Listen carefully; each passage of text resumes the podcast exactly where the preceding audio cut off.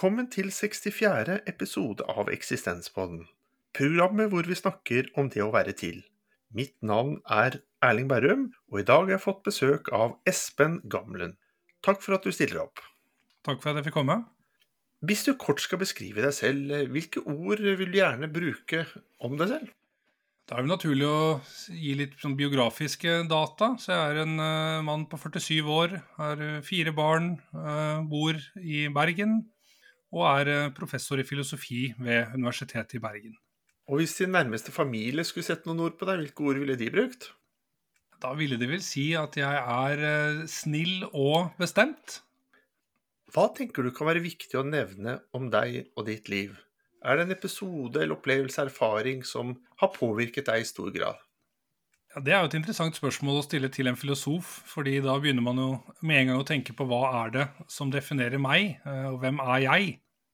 Man kan jo på en måte si at jo, jeg har fått barn, det er jo veldig definerende for hvem du er, men, men i, i, tråd med temaet for i dag, så tror jeg kanskje jeg vil trekke fram det som skjedde da jeg begynte å studere på universitetet. Så jeg pleier å skille mellom måte, Espen før 20 år og Espen etter 20 år. Så før jeg ble, var 20 år, så var jeg på en måte en fotballnerd. Eh, fotball var hele livet. Eh, var ikke spesielt interessert i skolen. Gjorde ikke lekser, hadde ikke noen ambisjoner der. Eh, så det var kun fotball. Og så begynte jeg på universitetet når jeg var 1920. Og Eh, da åpnet det seg på mange måter en ny verden, eh, og da så jeg meg egentlig ikke bakover. Eh, fotballinteressen dalte veldig raskt, og så begynte jeg å studere filosofi ganske raskt. Og da var det som jeg på en måte traff noe som hadde traff meg like hardt som det fotball hadde gjort. da. Så jeg fikk på en måte en ny interesse og noe som var definerende for, for egentlig eh, hvem jeg har vært siden den gang. Så jeg, jeg, vil vel si at den, den, interessen for filosofi, som jeg nå har gjort til et levebrød, er langt på vei definerende, i hvert fall for store deler av den jeg er, da. Hva ved filosofi når du var 20 år var det som traff deg spesielt? Hva innenfor filosofi, hvis du kan sette noen ord på det også? Eksistensfilosofi ble jo uh, hva jeg syns var veldig interessant når vi begynte med det på det som et grunnfag den gangen. Leste Sartre, uh, Kirkegård uh, med flere. Um, men det var egentlig ikke noen spesifikke filosofiske retninger som sådan. Det var det at jeg fikk lov til å lese hva jeg ville, og tenke hva jeg ville. Så når du går på skolen, så har du jo lærebøker som lærerne har gitt deg, eh, og det er diktanalyse, og det er veldig mye kjedelig. Eh, så når jeg begynte på universitetet, så oppdaget jeg at her er det jo enormt stor frihet, særlig innenfor filosofi, til å tenke absolutt alt. Det er ingen grenser. Eh, så den friheten, den var en, en stor gave så når jeg begynte å studere, så leste jeg egentlig alt annet enn pensum. Så jeg, pensum var på en måte eh, greit nok, men det var litt kjedelige lærebøker, så da var det om å gjøre å finne andre bøker som kunne være mer inspirerende og lærerike. Så jeg brukte mye tid på å lese mye i de første årene. Du har også blitt bedt om å velge ut en grunnleggende dimensjon ved det å være til som menneske. Og hvilken grunnleggende dimensjon har du valgt som tema for dagens program? Ja, jeg har valgt eh, tema som jeg har jobbet med i noen år nå, eh, i, uh, i bokform. Altså, jeg har skrevet en bok om moralisme og det å moralisere. Så du kan godt si at temaet her er moral. da. Uh, hvordan bør vi leve våre liv? Og ikke minst, har vi noe rett til å blande oss inn i hvordan andre lever sine liv? med hvilken rett kan jeg kritisere deg for å gjøre noe galt, når jeg mener at du gjør noe du ikke burde gjøre? det å ha moral, er det noe alle har? Jeg tror alle har moralske verdier, moralske oppfatninger, når de får tenkt seg om. Eh, men det er ikke sikkert alle er like flinke til å sette seg ned og reflektere over hvilke verdier og normer og oppfatninger om rett og galt de, de har og de, eh, de, setter pris på. Kanskje noen er flinkere enn andre. Kanskje de som har en religiøs eh, oppdragelse, har fått det tydeligere inn i form av en religiøs skrift som har definert noen sentrale verdier. Mens kanskje de som er, har en mer sekulær oppdragelse, oppvekst, eh, kanskje oppdager etter hvert at man må på en måte finne de verdiene og de normene selv. Men, men veldig mange er jo opptatt av betydningen av å være ærlig, kanskje. Det er galt å stjele.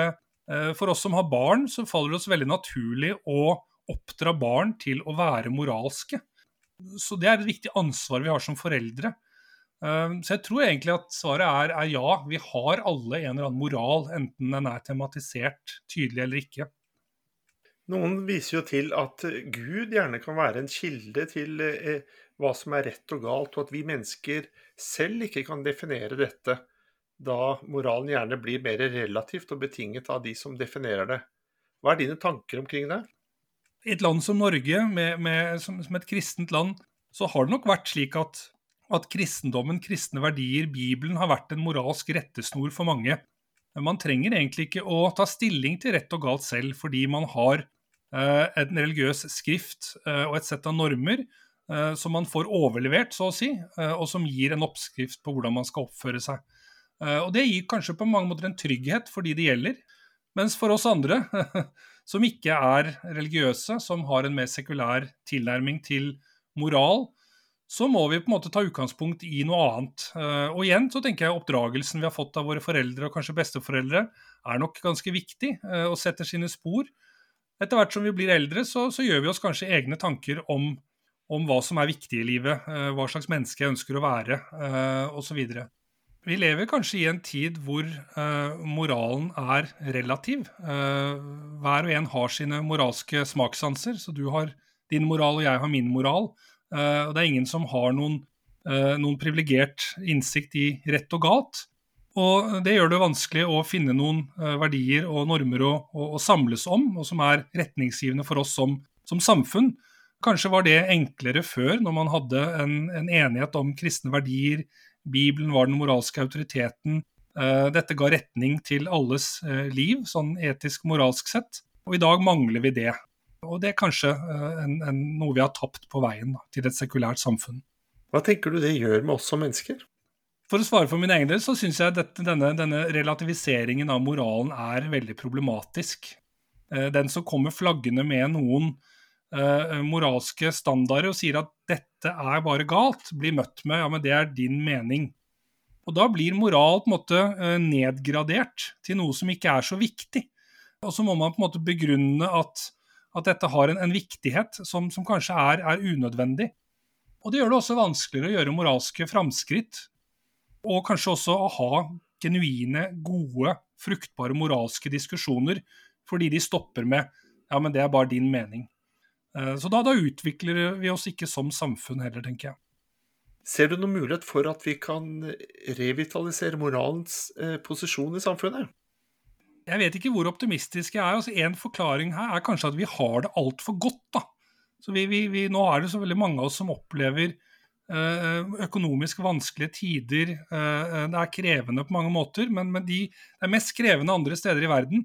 Så kanskje når man opplever virkelig motgang, opplever at ting er virkelig vanskelig, kanskje eh, de som opplever krig og, og elendighet, faktisk må, må, definere på nytt hva som er viktig, og, og, og må ta stilling til viktige etiske verdier. Mens vi bare surfer igjennom uh, hvor alt går på en måte av seg selv, og vi trenger egentlig ikke å ta stilling til ville viktige moralske spørsmål fordi uh, vi har det så fryktelig bra. Så kanskje det vi trenger er en, en, en skikkelig, skikkelig krise.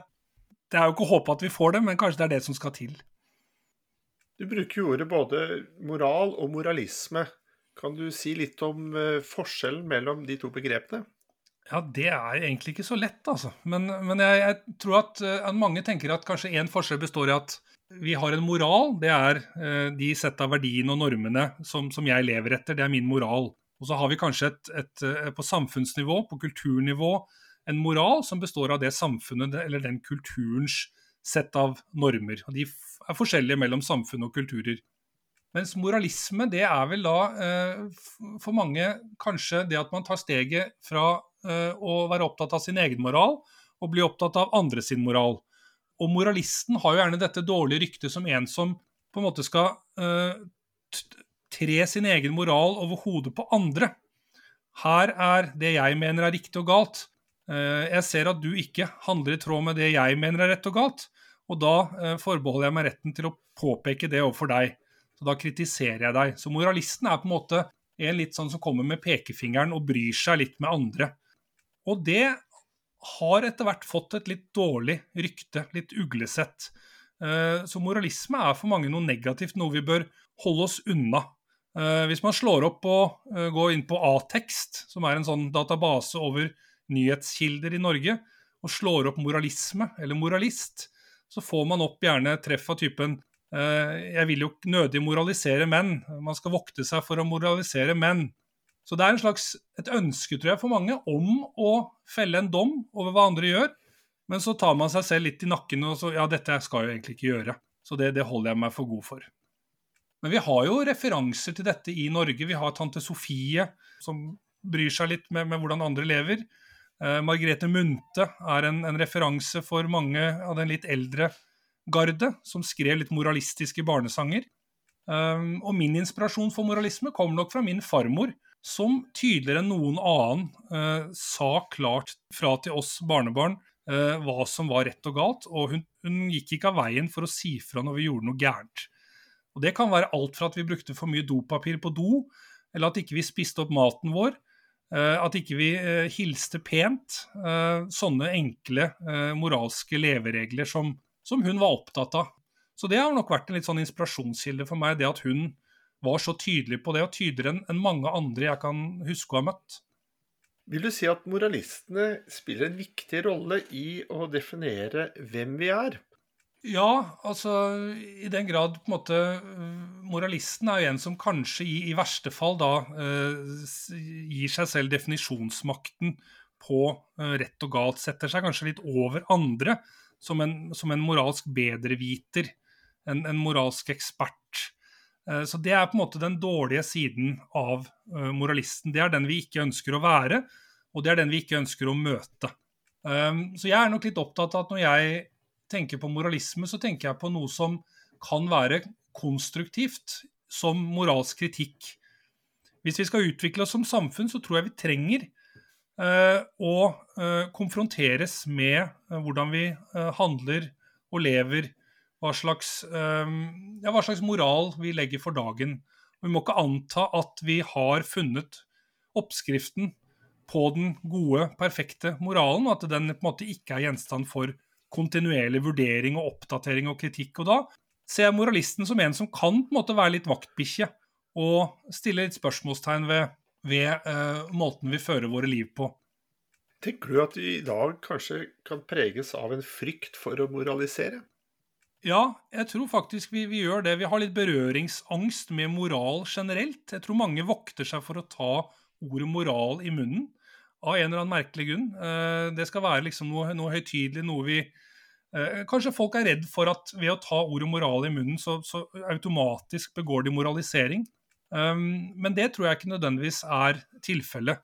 Så noe vi har et forbedringspotensial i vårt samfunn, er at vi må bli flinkere til å snakke om moralske spørsmål med lave skuldre og innestemme. Det har en tendens til å bli litt eh, høy temperatur, litt mye følelser, litt lite rasjonell tenkning og diskusjon, eh, og litt mye skyttergraver og polarisering. Og dette gjør seg gjeldende både på litt sånn samfunnsnivå, men også kanskje på, eh, over lunsjbordet på, på, arbeidsplassen. Men det er interessant å se at pandemien tror jeg var en, en anledning for moralismen til å blomstre litt igjen. Da så vi det at det å blande seg opp i hvordan andre lever, det var faktisk nødvendig. Eh, å holde hverandre litt i sjakk når folk ikke brukte munnbind når de burde, ikke spritet hendene når de burde, ikke holdt avstand når de burde.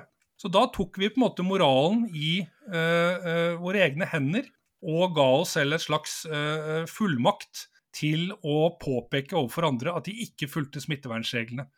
Og da kunne folk finne på å reagere med 'Hvem er du?' til å komme her og fortelle meg hvordan jeg skal oppføre meg, at jeg skal gå med munnbind. Det er riktig som du sier, jeg går ikke med munnbind, jeg burde gå med munnbind, men du skal ikke påpeke det overfor meg.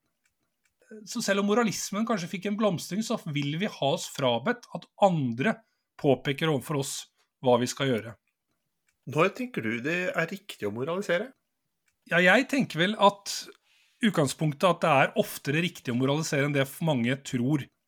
Som jeg nevnte, det er dette med uh, at jeg som person ikke har noe rett til noen Er ikke i posisjon til å blande meg inn i andre hva andre gjør? Det tror jeg er en, oftere enn folk tror, en feiltagelse. Den eneste kanskje gyldige grunnen til at jeg ikke skal blande meg inn i hva du gjør, er hvis jeg er skyldig i det samme jeg anklager deg for. Men, men veldig ofte så er vi i posisjon, tenker jeg, eh, til å, å moralisere over hva andre gjør. En viktig grunn til at vi bør moralisere, er at det har en eller annen effekt.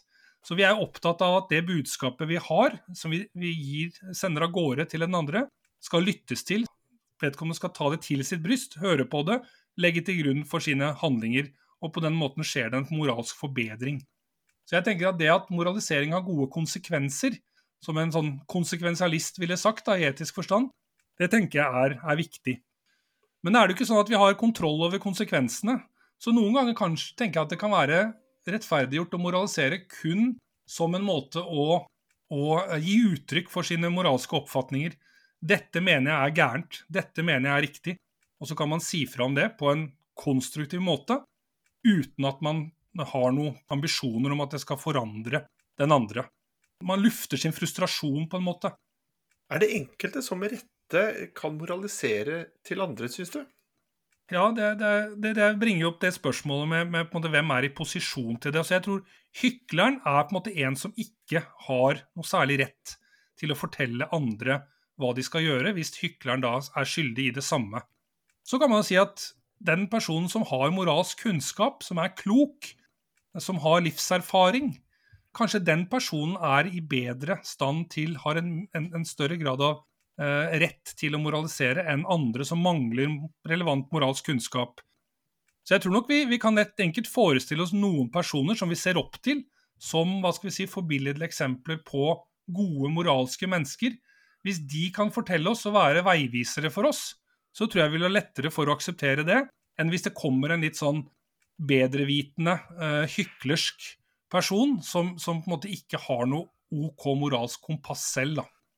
Gitt at vi tenker at vi er i stand til å moralisere, hvordan skal vi gjøre det på best mulig måte?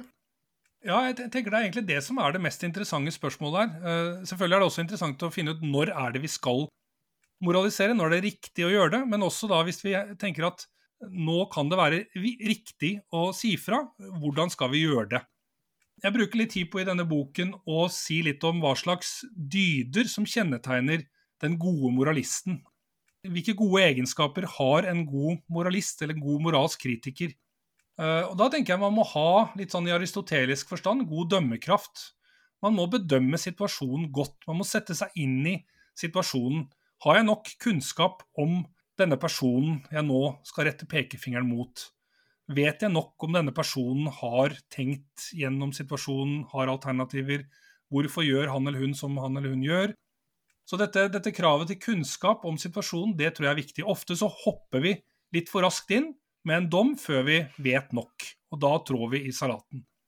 Også dette med god dømmekraft, at man, man vurderer situasjonen riktig, at man går fram på en, en høflig, hyggelig måte, ikke denne bedrevitende pekefingermåten som folk syns er veldig ubehagelig. Så en måte å gå fram i en situasjon på istedenfor å si du gjorde noe galt, det er å invitere til en refleksjon. Hvorfor gjorde du som du gjorde? Har du tenkt på følgende? Og så bruke uh, denne situasjonen som en anledning til å stimulere til en refleksjon over rett og galt. Du nevnte jo i stad dette med at hyklere gjerne ikke er i stand til å moralisere for andre.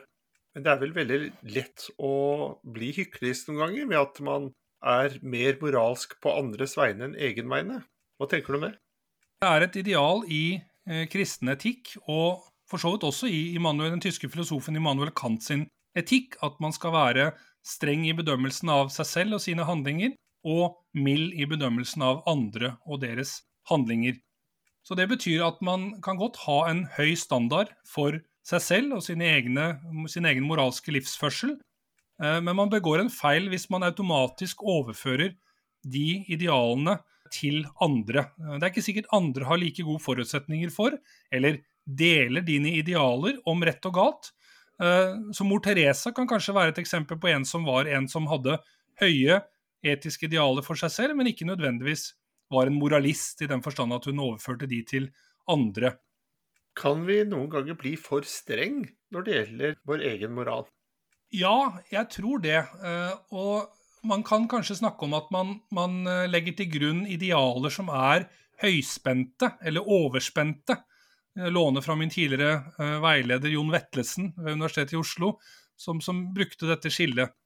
Hvis du har høyspente eller overspente idealer for deg selv, så utvikler du en, en skyld og kanskje også en skam når du stadig vekk ikke klarer å leve opp til de idealene. Så du kommer til kort hele tiden overfor den du egentlig ønsker å være. Så det er kontraproduktivt. Så du må på en måte justere idealene i tråd med det som er realistisk for deg. Når det gjelder eh, egenmoral, så er jo mye av den overført, om det er fra familie, religion eller andre samfunnsinstitusjoner osv. Så, videre. så i hvilken grad eh, vil noen da bare ta imot det som er overført, uten å reflektere over det? Og i hvilken grad kan du gjøre den moralen som ble overført, til din egen? Ja, det, det er et godt spørsmål. Det, er, det har å gjøre med måte, moralsk kunnskap, tilegnelsen av moralsk kunnskap. Og det reiser et spørsmål om på en måte, skal vi, skal vi lytte til eksperter på moral når vi skal velge våre handlinger? Og vi har jo eksperter på veldig mange områder av samfunnet som vi lytter til. Eh, men på moralens område så tror jeg kanskje mange tenker at det er annerledes, for det fins ingen moralske eksperter. Du har presten, som på en måte tradisjonelt har hatt denne uh, høyt privilegerte rollen. Ingen stiller spørsmålstegn ved hva presten sier. Han eller hun kan si akkurat hva de vil, og folk vil på en måte lystre. Kloke mennesker de vil ofte kunne gi oss gode råd, men det er ikke automatisk slik at de har funnet sannheten med stor S om hva som er rett og galt. Og la oss si at jeg stoler på en, en, god venn av meg som gir meg råd om hva jeg bør gjøre uh, i et moralsk valg. Kanskje er det det riktige å gjøre, uh, men kanskje blir jeg konfrontert av noen andre. Hvorfor gjorde du slik? Jo, det var fordi at uh, min gode venn fortalte meg at sånn burde jeg gjøre. Så da har jeg på en måte ikke tilegnet meg forståelsen, begrunnelsen for hvorfor jeg skal gjøre som jeg gjør. Jeg har bare blindt hva skal vi si, stolt på at dette bør jeg gjøre, uten å tilegne meg en grundig nok forståelse eller begrunnelse. Hva tenker du kan være med på å utfordre og kanskje svekke vår moral og verdier? Det er et godt spørsmål. Det er klart at uh, dette med å utfordre vår moral, det, det, kan jo være positivt. At vi har stagnert i våre egne moralske verdier og oppfatninger. Kanskje trenger vi å bli utfordret, konfrontert med, uh, med de verdiene og de holdningene vi har. Så jeg tenker det å bli utfordret, det kan være eh, positivt. Og da, det andre du sa, var Svekke?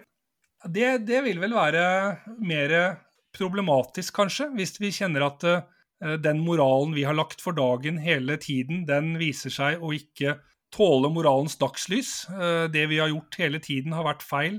Kanskje måten jeg har oppdratt mine barn på hele veien, har vært feil. For det viser seg det at det er noen andre som har gjort det på en annen måte, som er mye bedre. Så det er klart, når det gjelder en del sånne viktige moralske valg som berører vår privatmoral og kanskje vår familie, så er det jo det er viktig for oss å gjøre det riktige. Det er derfor vi veldig ofte vil rettferdiggjøre til så langt det går, de valgene vi gjør. Og vi, Det sitter langt inne å innrømme at vi har gjort feil. Bare spør stortingspolitikere og andre offentlige personer som begår feil. De vil veldig ofte prøve å komme unna det før de innrømmer feil. Og Det tror jeg er fordi vi har denne trangen til å rettferdiggjøre de valgene vi har gjort. Det er riktig, vi gjorde det riktige. Og så smerter det oss veldig å skulle innrømme feil. For det er på en måte en nederlag. Hva hvis du går foran med et godt eksempel, og så hele tiden så erfarer du at andre de gir blaffen i det samme som du er opptatt av? Vil det over tid kunne svekke vår moral, det at andre ikke bryr seg om det du er opptatt av å gjøre, og så Opplever du at du står alene over det i en lang tid? Ja, jeg, jeg, tror det. Jeg tror det oppleves urettferdig at du skal, hva skal vi si, betale en ekstra kostnad, gjøre en ekstra innsats for å rydde opp etter andre, i, både bokstavelig og overført forstand. Og så blir det vel også litt korrumperende over tid at uh, andre uh, handler umoralsk. Det å være vitne til det, det å ikke kunne gjøre noe med det. Uh, det å, omgås mennesker som ikke bryr seg det tror jeg kan være veldig belastende og vanskelig. Og kanskje det er det som på en måte tvinger fram, i hvert fall hos meg, da, kanskje den tilbøyeligheten til å si fra, til å ha lyst til å moralisere. Tenke at ok, her snakker vi bare om å etterlate oss litt søppel i naturen, men det er noe som står på spill allikevel. Det er denne holdningen 'jeg bryr meg ikke'. Det er den holdningen du vil til livs. Uh, og det er den du gjerne vil hva skal vi si, utdanne og oppdra folk til å endre på. For hva, hva, vet du, kanskje den holdningen også gjør seg gjeldende i andre avdelinger av livet. Så ja, jeg tenker at det er, det er utrolig viktig at folk oppfører seg ordentlig. Det motsatte av eh, kjærlighet er ikke nødvendigvis hat, men likegyldighet. Og hvis vi tenker på det motsatte av likegyldighet på en annen akse, kan jo være da det å bry seg. Mm. Og det å involvere seg og engasjere seg. Tenker du at det å, å være et moralsk menneske som moraliserer litt, også kan handle om omsorg og kjærlighet? Ja, det, det, kan det sikkert. Jeg har ikke tenkt på moralisme og moralisering som noe som jeg ville liksom koblet til, til omsorg. Jeg tenker eh, bl.a.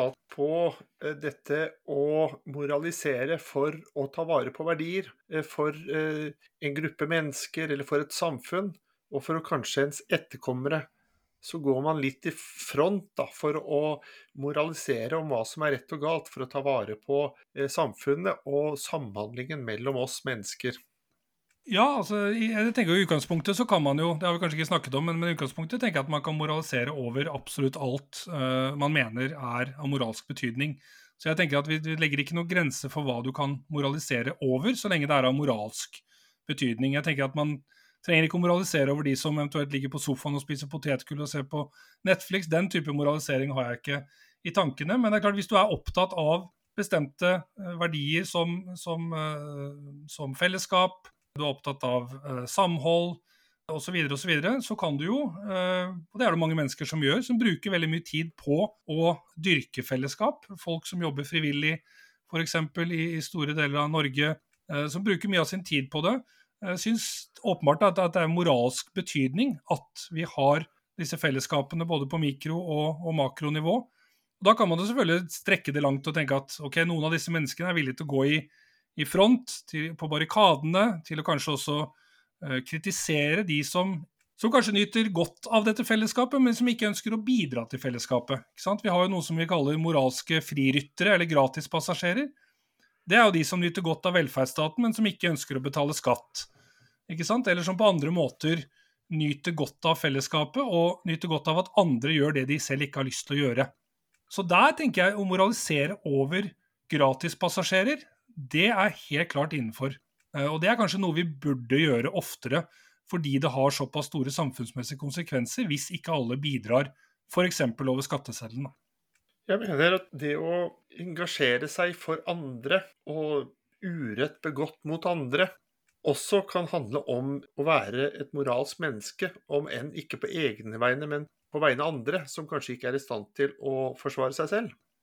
Ja, jeg tror vi ser det. Jeg eh, har sett det de siste årene nå, med både krigen i Ukraina og Israel og Palestina. Så er det jo nok av mennesker som står opp for alle de uskyldige menneskene som har mistet livet, og som med en sterk indignasjon og sterk harme og sterk følelse av å stå opp for alle disse uskyldige menneskene, helt klart uh, tenker at her er det viktig moralsk sett å si fra.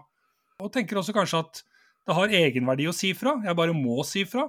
Men tenker også kanskje at det kan ha en eller annen betydning hvis mange nok sier fra, så kan vi få til endringer. Så Det, det tenker jeg er en, en, drivkraft for veldig mange, det å stå opp mot urett, selv om man ikke selv er, er berørt. da. Tenker du at moral også kan ha et sånn utviklingsforløp i et menneskeliv? At vi har litt ulik type moral, litt avhengig av ulik alder og livserfaring? Ja, det er det jo flere som har uh, påpekt. Altså Aristoteles var jo tidlig ute til å si at uh, det å bli et moralsk oppegående menneske, det tar tid. Så moral krever modenhet. og Derfor kan vi ikke forvente at barn, og for så vidt heller ikke ungdommer, er spesielt moralske. Vi må gi dem tid til å utvikle de moralske ferdighetene de trenger for å treffe gode moralske valg og utvikle dømmekraft. Uh, og så er det andre utviklingspsykologer som har sagt fornuftige ting om hva slags stadier barn og unge går igjennom i en sånn moralsk utdanning. Uh, så ja, helt klart at uh, på det nivået så, så, skjer det en utvikling over tid. Og det skjer også sikkert en utvikling når vi først har blitt voksne. Eh, gjennom et liv. Vi erverver oss stadig ny kunnskap.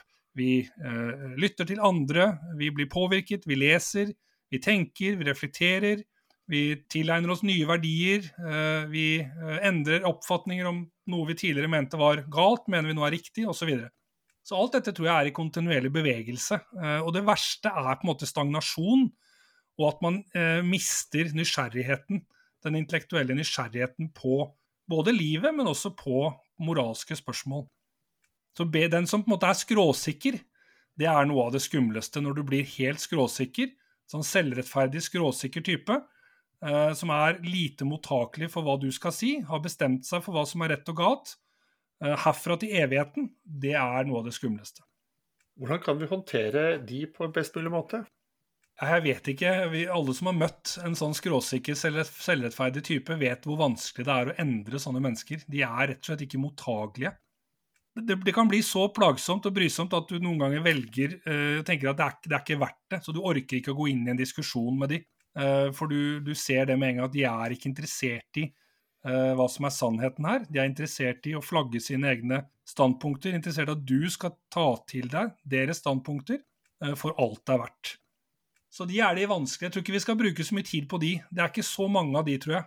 Så vi må bruke kreftene våre på de vi har muligheten til å påvirke, og som er nysgjerrige.